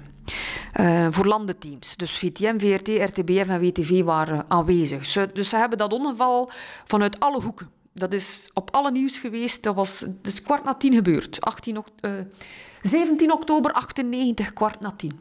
Amai, ja, nog, ja, ja. heel exact. Ja, ja, ik weet het heel exact. Ik heb dat heel helder beleefd, allemaal, elke stap. Um, maar alle emoties in een vreemd land, vreemde taal. Um, dus we hebben die val ook geanalyseerd. Oké, okay, uh, psychologisch aspect, ik heb er niet te veel over nagedacht. Ik ben herbegonnen met kinderen, dat was fijn. Stelselmatig die intensiteit um, opgedreven. Dan hebben we ook een, een, een, kamp clandestien georganiseerd, zo met wat dames van mijn gewicht. Een, zo een, een pseudo-wedstrijd georganiseerd, hoe dat, hoe dat ik daar zou op reageren. In noord van Frankrijk, weg, verder weg van alle Belgische pers. Want ja, wanneer gaat u eerste kamp doen, hè, de ja. media? En dan hebben we dat eh, onder ons gedaan. Echt wel een, een simulatie van een echte wedstrijd met een paar kampen en dat ging zeer vlot. En dan heb ik weer beginnen trainen met de nationale ploeg. Heb ik ene keer een slag op mijn hoofd gehad en dan heb ik eens hard geroepen. Eerder uit, uit verschieten, uit schrik. Ehm, ja, en dan ben ik even langs de kant gegaan. Maar twee minuten later heb ik dan weer verder gedaan op de mat en verder gespart. Dus dat is het enigste. Ik zit dan nu zoveel jaren later na de feiten wel met drie hernias. Uh, niveau erboven en eronder en, en tussen mijn uh, schouderbladen. Maar als ik, als ik mij normaal gedraag, als ik geen zotte dingen doe. Hè. Soms wil ik nog wel eens zot doen, maar het lijf wil niet mee. Um, heb ik daar niet echt heel veel last van. Ook niet tijdens je carrière nog last van gehad? Nee, nee uh, dat niveau staat vast. Twee niveaus staan vast met een plaatje en vier vijzen. Um, dat ging goed. Uh, maar natuurlijk, ik heb daar nog vele jaren belasting op gezet. En dan, nadat ik gestopt was met judo, ben ik nog blijven sporten. En nog altijd wel wat belasting. Weliswaar geen judo meer, maar eerder fietsen en andere dingen.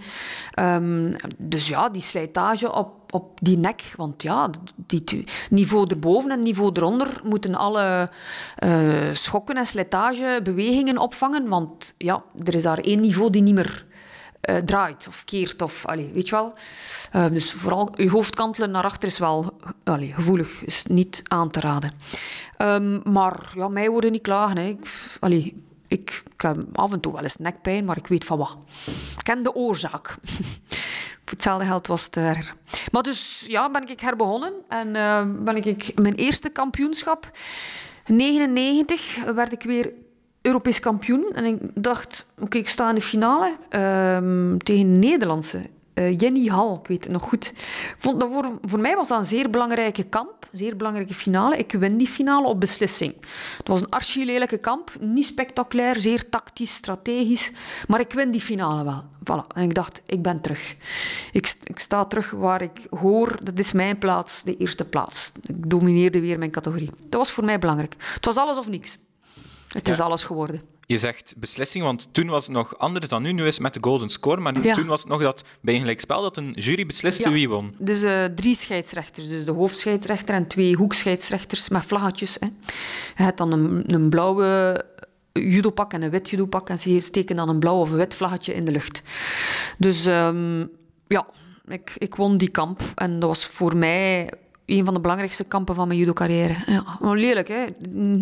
Niet oogstrelend en niet zonder... Allee, zeer tactisch uh, op beslissing gewonnen. Vooral de manier waarop, ja. op het moment... Wel, uh, uh, dat was zes maanden na, vijf maanden na mijn nekwervelbreuk. Allee, niemand die daarin geloofde. En, en, maar ja, ik, ik, zeg, ik heb daar niet te veel over nagedacht. gewoon gedaan, mijn ding gedaan. Ja, um, dan komen we richting 2000, een nieuw Olympisch jaar. Ja, goh. Um, maar 2000 was ook weer een enorm hobbelig parcours, als ik het zo ja, mag zeggen. Ja, um, opnieuw blessures, maar ook extra sportief het ontslag van Jean-Marie de Dekker toen. Ja, dat, is, dat was ook ja, turbulent. Ik herinner mij dat niet meer. Ik denk dat Oela daar meer van weet, omdat Jean-Marie dichter bij Oela stond. Um, dus ja, Eddie was mijn persoonlijke trainer. Jean-Marie was uh, persoonlijke trainer van Oela, maar ook nationaal bondscoach. Ah, ja, ja. ja de, het trommelde wel wat in de judo-federatie, met zo sponsorbelangen en zo. Dus Jean-Marie verdedigde zijn atleten wel en het was zowel wat in twee kampen verdeeld. Um, maar toen kreeg Jean-Marie zijn ontslag. Dan moesten we nog naar de Spelen gaan. Uh, maar ja, uh, enerzijds dat ontslag, anderzijds twee maanden voor de Spelen schuur ik mijn kruisband. Ja, een normale mens kan niet naar de Spelen gaan zonder kruisband. Zeker niet in het judo, waar je veel beenvegen doet en torsies en, en um, pivoteren op, op, op je voet, je knie. Uh, maar dan was er een zekere kini en dokter Lieve Maaschalk, uh, die zei van, Gilla, we gaan dat, been zodanig optrainen dat je geen kruisband nodig hebt. Ik zei, ja, had ik vooraf geweten wat er mij gedurende die twee maanden tot aan de Spelen te wachten stond, had ik het misschien niet gedaan. Maar enfin, we zijn er ook aan begonnen. Soms is het goed dat je iets niet weet. Hè. Um, we zijn eraan begonnen. Um, Lieven heeft mij heel hard allez, gemotiveerd, geholpen, ook bijgestaan. Dat been was ja, heel ijzersterk, ik had geen kruisband meer. Dus alle rotaties waren zeer... Vegen moest ik niet doen. Het eerste wat ik doe is een veeg. Ja, enfin, ja, de Olympische Spelen goed bezig. Dan heb ik het maar op een, over een andere boeg gegooid. Meer uh, tactisch aangepakt. Maar, dus ja, ik heb die twee maanden dan overbrugd, voorbereid uh, met een brace. Maar op een, op een kampioenschap mocht je geen brace doen. We hebben dat die knie heel hard versterkt met een tape. heb ik dan ehm, ja, mijn Olympisch parcours afgelegd. Bestolen geweest in de halve finale tegen de Chinezen. Ja, ik zag het uh, staan. Ik verloor tegen de scheidsrechter en niet tegen de Chinezen, ja, zei je. Ja, ja, dat was toen ook nog met vlaggetjes. Hè. Hadden we toen inderdaad verder kunnen werken, was het een gouden score, was dat eerlijker geweest. Um, omdat die Chinezen kwam dan tegen de Française uit, die ik geklopt had op het Europees kampioenschap een paar maanden vroeger in de finale van het EK. Dus ik was Europees kampioen en die Française werd uh, Olympisch kampioen. Dus ik had in feite ook kunnen Olympisch kampioen worden. Maar ja, goed, dat is... Ja.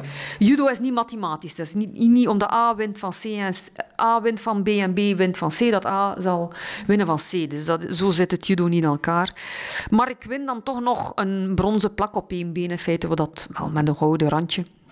Maar um, ja, dat was ook een hobbelig jaar, klopt. Eigenlijk al een mirakel dat hij daar stond. Ja. Want ik zag overal krantenkoppen die ik zag. Geen spelen voor ja, Gella van de Caveille, spelen onmogelijk. Ja, ja, juist. Terwijl dat, dat op een kleine twee maanden was van de Olympische Spelen. Normaal gezien, uh, ja, zonder kruisband kun je geen topsport doen. Toch zeker niet in het judo. Uh, maar het is niet dat je dan met pijn echt moest judoën. Goh, jawel, ik ben er wel een paar keer tijdens de voorbereiding doorgezakt. En als je er dan doorzakt, is het wel, je krijgt er wel kloppen en slagen op. En allee, je weet, die pijn hebt dan weer weg. Je roept het kot bijeen en het kot is dan te klein. en dan doe je weer verder en leg je wat ijs. en bereid je voor met het ultieme doel ook, die spelen. want je wordt geselecteerd en je wilt te halen. Ehm, en dan op de spelen ook geef ik die vega, zak ik weer door mijn knie. Dan probeer ik wat tijd te winnen totdat die pijn weg hebt. En ja, dan pakt het wat tactisch en strategisch aan. Um, Um, ja, normaal gezien kun je niet gaan. Maar ja, je bent geselecteerd. En de chirurgen zeggen, ja, je mocht niet gaan, je kunt niet gaan. En dan is er een, een halve kine die zegt, ja, maar je kunt wel gaan. Ja, ja, dan hoopt je weer. Maar je weet niet wat er u te wachten staat. Hè. Want het was ook de eerste keer dat je kruisband scheurt. En, enfin ja, soms is het goed dat je de dingen vooraf niet weet. Ja, die kine komt, eh, Lieve Maasvalk dan, die komt wel heel vaak terug bij veel topsporters. Eh, is die dan zo speciaal? Dat... dat is een speciaal man, ja, met gouden handen. Ik, ik heb die periode, ja, ik had af en toe nog wel contact met Lieven. Die periode toch wel een, een haat-liefde verhouding ontwikkeld met, met Lieven. Kan niet anders zijn. Ja, haat omdat hij toch wel pijnigt en tot het uiterste drijft en je vervloekt hem, maar je doet toch door. En, en liefde omdat hij dan er staat voor jou, het moment dat je in zak en as zit, omdat je nog eens door je knie gezakt bent en omdat je zoveel pijn hebt. En je weet het niet, je panikeert en wat moet je doen? En, dan staat hij er ook voor jou te steunen. Dus um, ja, liefde is wel een spe speciaal. Hij heeft, ja, heeft dat iets meer zeker dan een, dan een andere kine. Nu, er zijn goede kines. Ja. Het is opvallend dat altijd Lieven is. Ja, zijn, een, heeft zijn naam ook wel vermarkt, ja. ja. Ja, um, hoe ja, kon je dan uiteindelijk wel met dat brons leven na de Olympische Spelen? Ja, ik kon daarmee leven. Ik was niet euforisch als ik mijn bronzen medaille won. Trouwens, de kamp voor brons was tegen die Anja van Rikovski, ah, tegen wie ik mijn nek heb gebroken. Ja, en mijn eerste finale in het buitenland was ook tegen haar. Ja, na, na de nekwervelbreuk. Ja, Mijn eerste wedstrijd in het buitenland, buitenland was het eerste kamp of was het de finale? Ik weet het niet meer. Maar we hebben gedaan alsof dat er niks gebeurd is. We zijn aan die kamp begonnen. Ik heb gewonnen, omdat ik, ik heb nog nooit tegen haar verloren. En uh, voilà, even goede vrienden, op naar het volgende. en dan voor de bronzen medaille was het weer tegen haar. Um, ik was mijn, bij mijn twee Olympische medailles ben twee keer niet euforisch geweest. Ja, eerst verlies ik de finale, ja, dan zijn ontgoocheld natuurlijk. En dan bij de bronzen plak oké, ik heb even mijn vuist in de lucht gestoken, maar dat was het. Ik was niet um, extatisch. Maar als ik daar nu op terugblik, ben ik wel... Ay, het zijn twee Olympische medailles, het zijn zeer uitzonderlijk. Hè. Het zijn maar weinig atleten die twee Olympische medailles hebben. Allee, um, het zijn er een paar in België. Vier, uh, vijf of zes mannen misschien, twee dames. Um, ja, ja.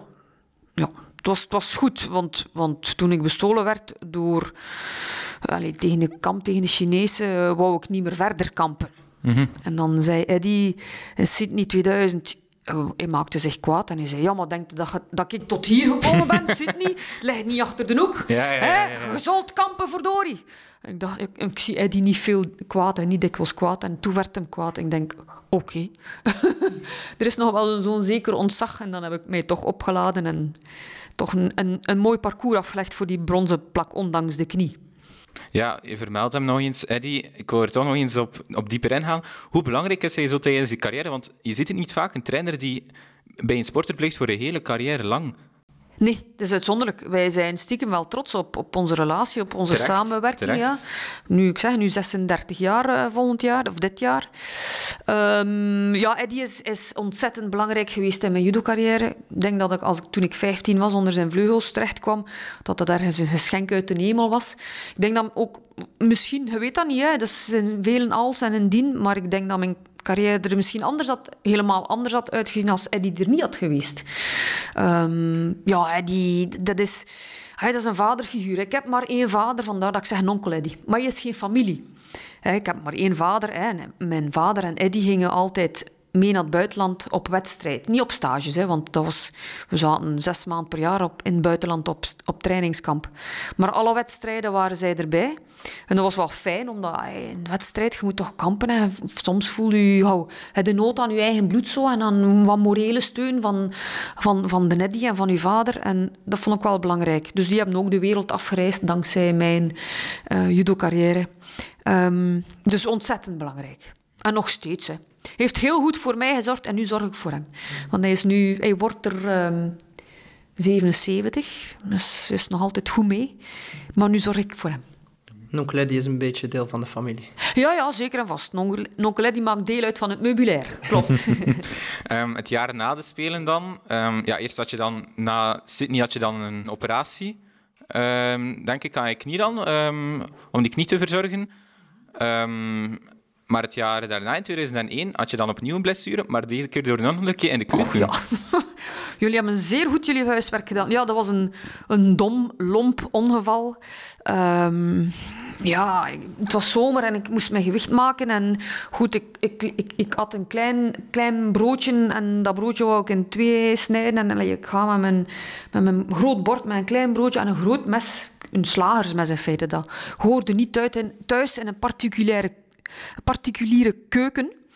Ehm, en ik stap en dat mes glijdt van mijn bord met een, maar echt zo'n gigantisch lang mes. Och, hoe dom kan je zijn in feite. Maar goed, ehm, dat glijdt van mijn bord met de punt recht op mijn dikke teen. En ik, denk, ik spring weg en ik denk, oef, oef gelukkig niet, gera niet geraakt. En ik, ik ruim verderop en ik steek alles weg en ik zie in de keuken een bloedspoor. Ik zeg, potverdorie.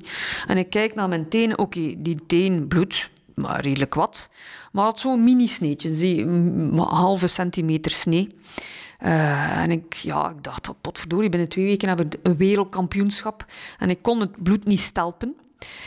En ik dan in de zomer met keukenpapier rond mijn dikke teen op mijn slippers naar de spoed in Kortrijk. Eh, dat was niet ver. Oké, naar de spoed. Ik zei tegen de spoedarts, ik zei, kunnen dat hier een beetje naaien? Want ja goed, dat bloed kan dat niet stelpen, dat bloedt hier maar. En de spoedarts zei van, ja Gela, we zullen nu een teen verder moeten opensnijden, want we willen die pees zien. Hè. We gaan er een kleine U in maken eh, en een lapje vlees eh, wegsnijden. We willen die pees zien. Want het zou kunnen zijn dat uw pees af is. Maar ik zeg, oh, nee, die pees is niet af. Dat is zo- zo'n klein dingetje. En effectief, ze snijden dat open en die pees was af. Dus die pees trok zich hè, terug. De pees van mijn dikke teen trok zich terug. Dus hebben ze die twee uiteinden moeten weer aan elkaar naaien en dan dat lapje vlees dicht naaien. Ja, dat zag er niet uit natuurlijk. Je dikke teen hadden wel nodig eh, op de mat. En eh, dan hebben ze dat genaaid. En dan, eh, dat was twee weken voor de het wereldkampioenschap in 2001 in München. En ik dacht, ai, ai, ai, ai, toch. En dan ehm, natuurlijk, dat nieuws verspreidt zich ook in het internationale judo-milieu. En dan iedereen lacht daar een beetje mee. Enfin, ja, ik natuurlijk dan ook. Nu, ik had ook geen judo meer gedaan. Dus twee weken dat judopak weg. Eh, dat judo-gevoel zat niet ver, maar de honger was heel groot. Dus ik was enorm gemotiveerd. De dag voor afreis gaan die draadjes daaruit, uit tien en teen. En ik kom aan in München en ik had heel veel goesting voor dat WK te vechten. En dan word ik wereldkampioen acht jaar na mijn eerste wereldtitel, nadat ik twee keer zilver had gewonnen en één keer brons. Want dat is om de twee jaar, een WK. En ik dacht, eindelijk nog eens wereldkampioen. Had ik het geweten, had ik niet zo lang gewacht om een keukenmes op mijn teen te laten vallen. Ehm, maar enfin, dat was in feite... Ik heb toen ook de top 10 of de top 20 gehaald van meest uh, banale uh, sportongevallen bij atleten ja, Frank van den Broeke staat daar ook in, de renner. Wijlen Frank van den Broeke. Uh, ja, fijn, dat was ook... Uh, maar goed, de, met die gouden plak was het... Uh, was de klucht al rap vergeten. Ja, het is een rode draad. Voor een succes komt er altijd een, een ongelukje of een, ja, een blessure. dat was een klein ongelukje. Hè. De, de, de knie en de, de nek was wel... Allee, wel een groot uh, ongeval. Mhm. Maar de, de teen, ja, dan denkt hoe is het toch mogelijk? Die, timing zit goed. Maar ja, dus, ja, het is goed gelopen. Fantastisch kampioenschap. Een van mijn mooiste kampioenschappen, um, München uh, 2001. Wereldkampioen geworden met een spetterende Ipon ook. Met een, met een bus vol supporters. Dat was wel heel tof, ja. Is dat de mooiste manier om een kamp te winnen, ja, Ipon? Ja, Zeker een finale van een WK. Allee. Dus echt, echt fantastisch. Uh, op Eurosport ook. Um, ja, dat was echt um, een, er was een ja, gigantische euforie. Ontlading ook, achter de schermen. Ja, ik denk dat dat een van mijn mooiste overwinningen is. Omdat het een wereldkampioenschap is. Hè. Ik heb al een mooie ipons, ik heb nog wel een mooie ipon ook gemaakt in het EEK in Gdansk, denk 95. Ik moet spieken. Of uh, is het 94? Het, kan, zou wel 4 of 94, enfin, maakt niet uit. Um, ja, dat was ook een zeer, zeer mooie Ipon. Ja, korte finale, een paar seconden. Enfin, ja. Ja, um, ja, dan de jaren naast niet verder nog. Ja, er was dat WK-hout, er was dan EK zilver, EK brons ook. De successen bleven komen. Um, maar dan in 2003 was er dan uh, het WK, waar je dan voor de eerste keer in tien jaar of zo geen WK-medaille WK meer pakte. Eh, had je daar toen een verklaring voor waarom het plots minder goed liep? Ja, um, ik, ik, zat in, ook in de herfst of de winter van mijn carrière. Um, mijn vader lag in het ziekenhuis en ik lag hormonaal overhoop. Dus dat was in Japan, dacht ik. Uh, dus dat was een slecht kampioenschap. Ja, een off-day, denk ik. Uh, ja, en ook de vragen, doe ik er nog genoeg voor? Uh, kan ik het nog wel? Dat, dat, dat begon zo hè, in 2003. Um, en de winter werd dan ook moeilijk. En ik weet waar dat je naartoe wilt. Um, en, en ja, zit in de winter van je carrière en dan denk je, kan ik het nog, doe ik er nog genoeg voor? Zijn mijn training nog wel hardnekkig genoeg? Hè? Ik had alles gewonnen, been there, done that. En dan... Um, dan, ja, dat was het, het, jaar van de Spelen in 2004. Ik denk in januari beslis ik om te stoppen. Ik, was, ik stond tweede op de Olympische ranking. En de top 5 op de Olympische ranking gaan naar de Olympische Spelen. Maar ik kon die januari tot de zomer, die zes maanden, niet meer overbruggen. Ik was mentaal op. Ik was leeg, mentaal op. Dat zat dat WK in, in Japan ook al aan te komen. En het einde van het jaar. En oh, niet meer meegaan op stage naar Japan. En het werd zo allemaal wel wat veel en moeilijker om op te laden en er alles voor te doen en te laten ook. En dan het toernooi van Moskou. Um, ja, ik had een slechte nacht en ik stap op de bus en Eddie stapt naast mij op de bus om naar de wedstrijd te gaan. En ik zeg tegen Eddie, ik zeg, Eddie, ik moet jou iets vertellen. En hij zegt, ik weet het. Ik zeg, ah. En hij zei, ja, ik zeg, kijk, ik ga stoppen. Ik kan niet meer. Hij zegt, hij, ik ook. Dus ja, als je lot zodanig verbonden is aan elkaar, dan doe je samen verder of stop je samen. En dan in januari beslis ik om te stoppen. En dat was voor mij een opluchting. En dat was, ik zeg, zes maanden tot de Spelen. Ik kon dat niet meer overbruggen. Dan heb ik een persconferentie gegeven.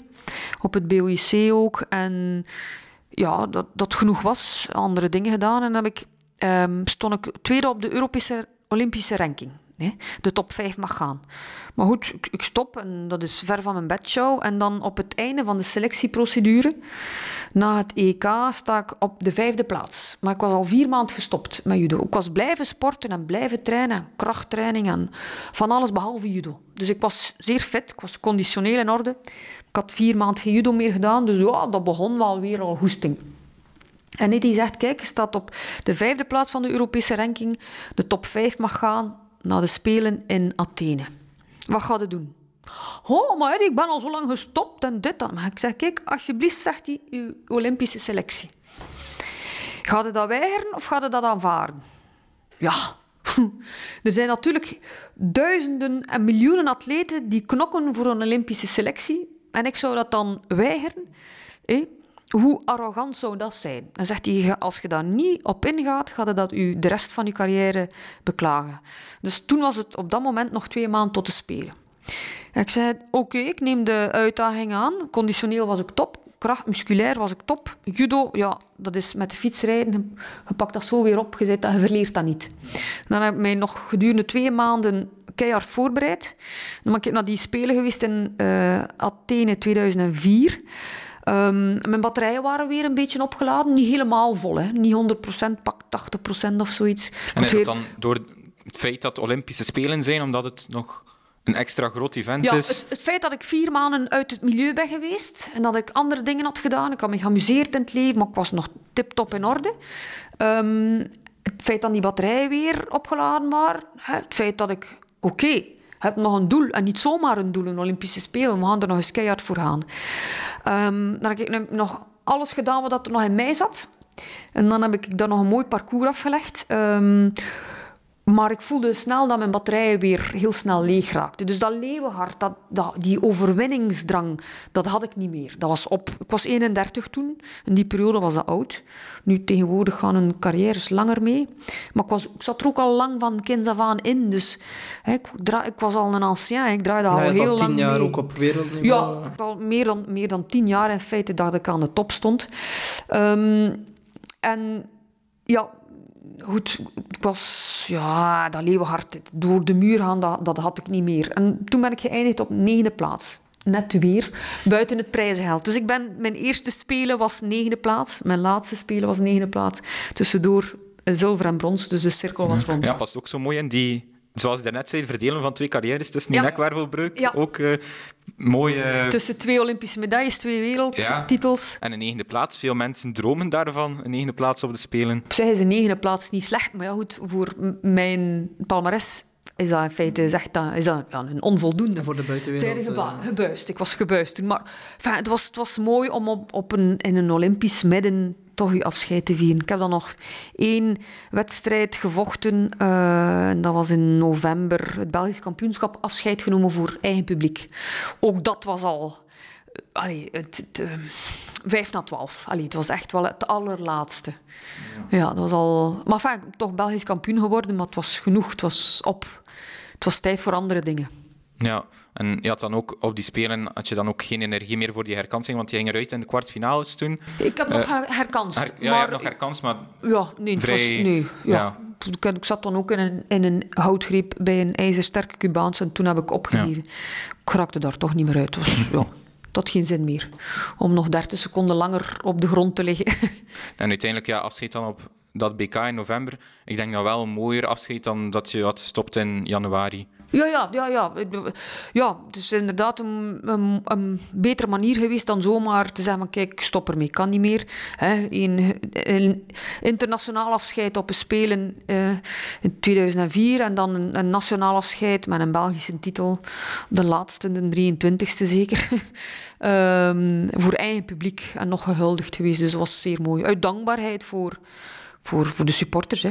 Ja, dat was mooi Ja, en ja, na content in feite dat ik het op die manier heb, heb kunnen doen. Ja. Gelukkig stond je nog vijfde eh, op de Olympische ranking. ja, op de Europese ranking voor de Olympische Spelen, ja.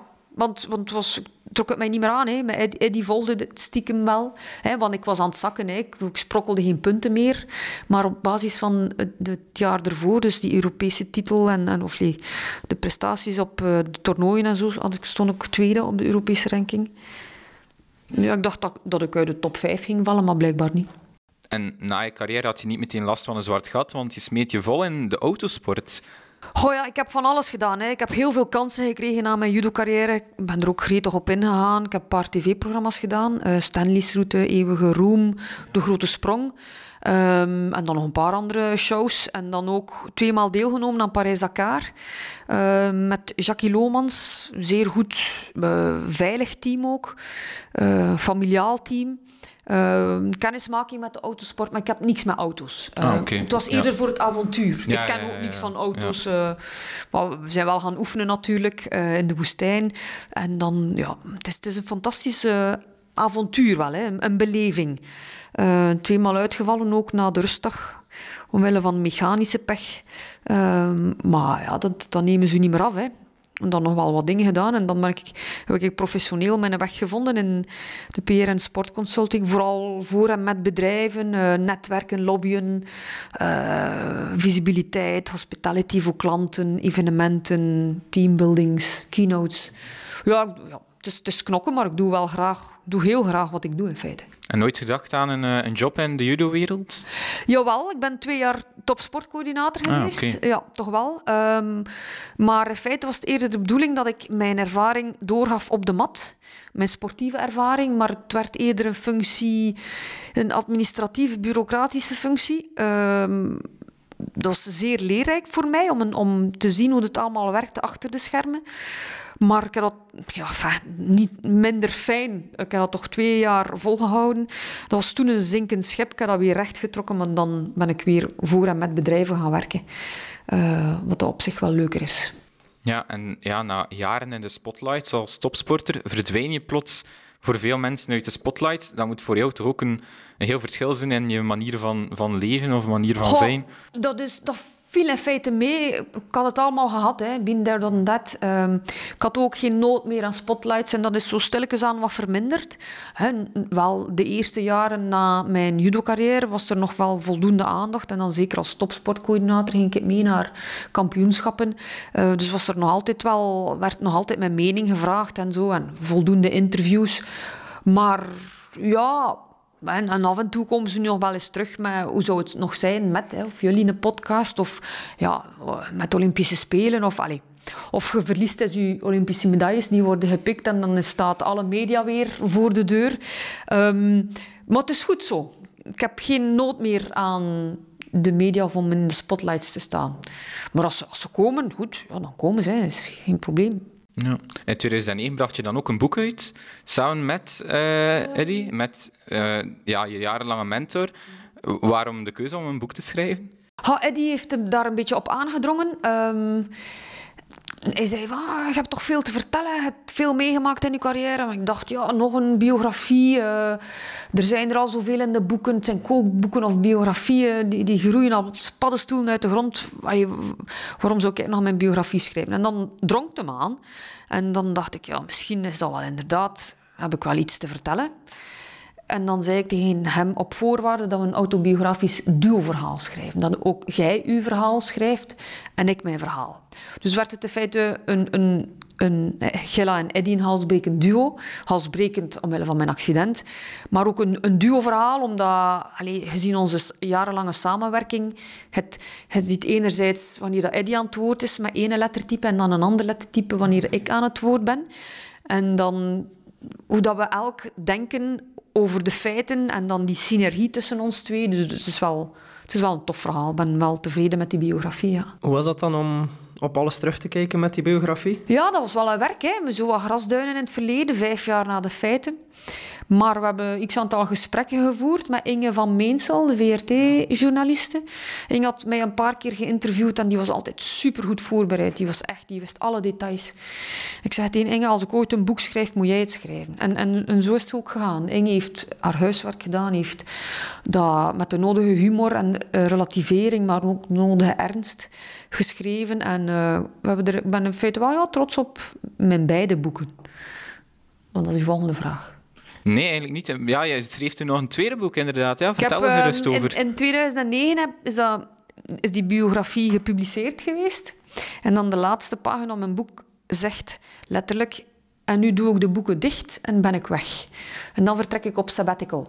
Ik heb een jaar gereisd met de rugzak. Ah. Um, low budget, uh, de wereld rond. Um, feite vooral Azië. Niet de wereld rond. Maar ik zeg ook geen wereldreis. Het is een grote reis, omdat ik zeven maanden China, um, drie maanden Indië, Nepal, Tibet... Uh, dus Indië, en dan is een weekje terug naar huis en dan nog uh, ah ja, Mongolië, Japan ook. Allee, dus uh, 300 60 dagen. Geen 65, 360 dagen zijn het. Het juiste aantal dagen. En ook daarover heb ik een boek geschreven. Een fotodagboek over de reis. Een fantastische reis. Met een zee aan tijd en vrijheid, waar de mens centraal staat, de volkeren, de culturen. Low budget met de rugzak. Enfin, weg de wereld, de wijde wereld in. Ja, het is een beetje ook een rode draad. Veel avontuur in je leven. Ja, daar, blijkbaar heb ik daar nood aan. Ja. Ehm, Zijn er nu nog dingen die op de planning staan om uh, op avontuur reizen, te gaan? Reizen is fijn. Ja, reizen is fijn. Ehm, ik ben graag thuis, maar ik ga ook graag weg. En ik kom dan ook graag weer thuis. Dat is de mama. Ik ben sinds 2017 ook mantelzorger. Dus ik zorg voor mijn moeder. Allee, niet dat ze veel zorg nodig heeft hoor. We zorgen goed voor elkaar. Zij zorgt ook voor mij, ik zorg voor haar. Uh, maar we doen dat goed. En het huis is ruim genoeg om elk zijn privacy te hebben. En um, voilà. Maar ja, avontuur. Weliswaar minder, minder groot en, hè, want we worden er niet jonger op. En de knieën en de rug hè, en de nek begint al wel wat pijn te doen. Maar reizen vind ik wel ja, en dat hoeven geen peperdure, chique reizen te zijn in eerste klas of zo. Maar vooral mens en cultuur. En ook de natuur, ja. Dus je woont nu samen met je mama. Is dat, hoe kijkt zij, kijken jullie samen soms nog terug op je carrière? Of hoe kijkt zij daarop terug? Um, wij, als er mensen naar vragen, is ze erbij. Of als, als de media er naar vraagt of een interview, um, dan kijken we, zouden we wel eens samen terugkijken. Um, nu met mijn medailles die gestolen werden, ja, vond ze dat ook wel jammer. Uh, maar nee, ze heeft dat misschien ook anders beleefd van op een afstand. Want mama bleef altijd thuis. Zij was de emotionele backup. Want het was altijd vader die meeging hey, in de wijde wereld. Mama bleef thuis. Um, sporadisch blikken wij nog eens terug op, um, ja, op het verleden. Ja, je hebt het er al een paar keer over gehad. De Olympische medailles die ja, jammer genoeg gestolen zijn. Ja, dat moet toch enorm sentimentele waarde hebben, die medailles, neem ik aan. Ja, dat is... Um, ja, dat heeft emotionele waarde, is groot natuurlijk. Nu, de prestaties pakken ze niet af. Maar alleen het, het materiële dat die prestaties vertegenwoordigt, is gestolen. Dat was natuurlijk wel even schrikken. Ja, dat is jammer. Um, we zijn bezig met het IOC voor twee replica's. Maar dat is nog niet zeker. Ik kan dat nog niet officieel bevestigen, want het IOC dat is een logbastion van vele departementen tegen wanneer dat, dat in hang schiet. Hè. Trouwens, ten andere zijn ook uh, spelen dit jaar. Um, dus, Gaan het druk hebben. Uh, de prioriteiten liggen daar in Parijs. Hè. Parijs is niet ver. Um, maar het zou wel fijn zijn moest ik twee nieuwe medailles hebben, maar replica's zijn exact dezelfde medailles. Um, ja, mensen zeggen, ja, maar een replica dat is niet hetzelfde, dat zijn niet de originele. Maar enfin, als de bank vers geld drukt, is het ook echt geld. Ja. Dus als ik twee nieuwe medailles krijg, zijn het ook twee nieuwe medailles. Het zijn ook twee echte medailles. Maar enfin, het zijn de prestaties. Uh, intrinsiek zijn die medailles zo goed als niks waard. De dieven kunnen er niks mee doen. Ze kunnen dat niet verkopen op de zwarte markt of wat dan ook. Maar goed, shit hebben ze. Kijk, kijk ik er af en toe nog eens naar. Het scherm van mijn, uh, van mijn uh, gsm uh, zijn ook mijn medailles. Dus ja. Ja, de herinneringen leven wel nog mee natuurlijk. Ja, maar ik hoop er wel op dat ik twee Olympische medailles krijg. We zullen wel zien of dat die effectief er ook komen. Maar dan hou ik jullie op de hoogte. um, ja, een laatste thema daar we nog over wilden hebben is de vraag, volg je het judo nu nog? Ik volg het judo zeker. Ja, het is niet dat ik het, de, de laatste nieuwtjes ervan weet, maar ik ben een enorme fan van Matthias Kassen. En ook van, allee, van de jongens doen het wel redelijk goed. Uh, Jorre Verstraten en... Um, um, hoe noemt het? De... Toman? Toma Nikiforov, inderdaad, dankjewel. En dan ook van de meisjes.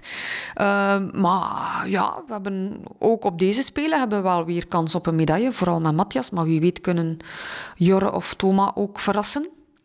Um... Ja, Jorre zouden wij fantastisch vinden natuurlijk, ja. want Jorre is ook al te gast geweest bij ons. Ah, ja? Dus uh, zo wensen we ja, altijd onze gasten uh, medailles toe. Maar ja, inderdaad, judo is wel... Ja, het is weer een, een goede periode voor het Belgische judo.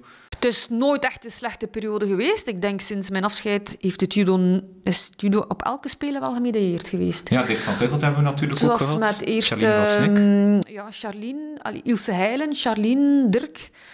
Uh, dan... Ja, vergeet ik iemand? Uh, Matthias Kassen had toch... Matthias had Kassen had, had de laatste voor, keer de brons. Brons, brons. juist. In, ja, uh, in Tokyo, ja. Tokyo 2021, ja. ja.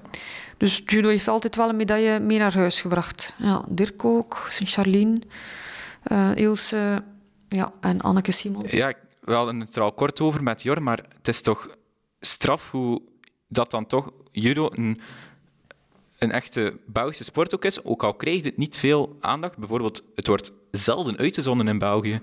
Het is ook, ja, Jean-Marie verkocht de sport wel goed. Hè. In, Ja, in onze tijd dus wel, werd ja. judo frequenter uitgezonden, nu, nu minder frequent. Ehm, het is natuurlijk wie dat, de beelden doorstuurt naar de media, of wie dat, dat ai, de media ook op de hoogte houdt. Ehm, het zou meer aandacht mogen krijgen, ja. Dat, dat klopt. Ehm, ja, dan gaan we afsluiten met de vraag die jij ons hebt gesteld in het begin. Wat mogen wij jou toewensen in 2024? Mij persoonlijk, ehm, dat het mag blijven zoals het is. Dat we vooral gezond blijven, dat is een cliché, maar ook zo belangrijk. Eh, dat onze naasten gezond blijven. Dat we mogen regelmatig reizen. Dat ook professioneel ehm, niet te veel eisend en die zin toch wel voldoende ehm, brood op de plank komt. Ehm, en voilà, ik doe heel graag wat ik doe. Dus het mag in feite zo blijven zoals het is. Ja, en een paar Belgische judo-medailles in Parijs. En in Parijs toch graag, graag minstens één Olympische medaille. Ja. Dat zou wel mooi zijn. Ik neem aan dat je ook wel eh, er naar uitkijkt, naar zo'n nieuwe Spelen. Eh, Kijk, ja, de Spelen volg ik altijd. Het is fantastisch. Dat is de hoogmis van de sport. Hè. Ja, oké. Brian, heb jij nog eh, vragen? Niet direct. het was een heel mooie trip down memory lane Ja, eigenlijk. dat is zo. Ehm, dus eh, ik denk, wij hebben ervan genoten. eh, de luisteraar ben ik ook wel zeker van. Ja, inderdaad. En dan rest ons alleen nog Jelle, om jou enorm te bedanken om met te gast te willen zijn in de podcast. Met veel plezier. Ehm, jullie hebben dat zeer goed gedaan, jongens. Jullie waren goed voorbereid. Dus voor mij alvast een dikke pluim.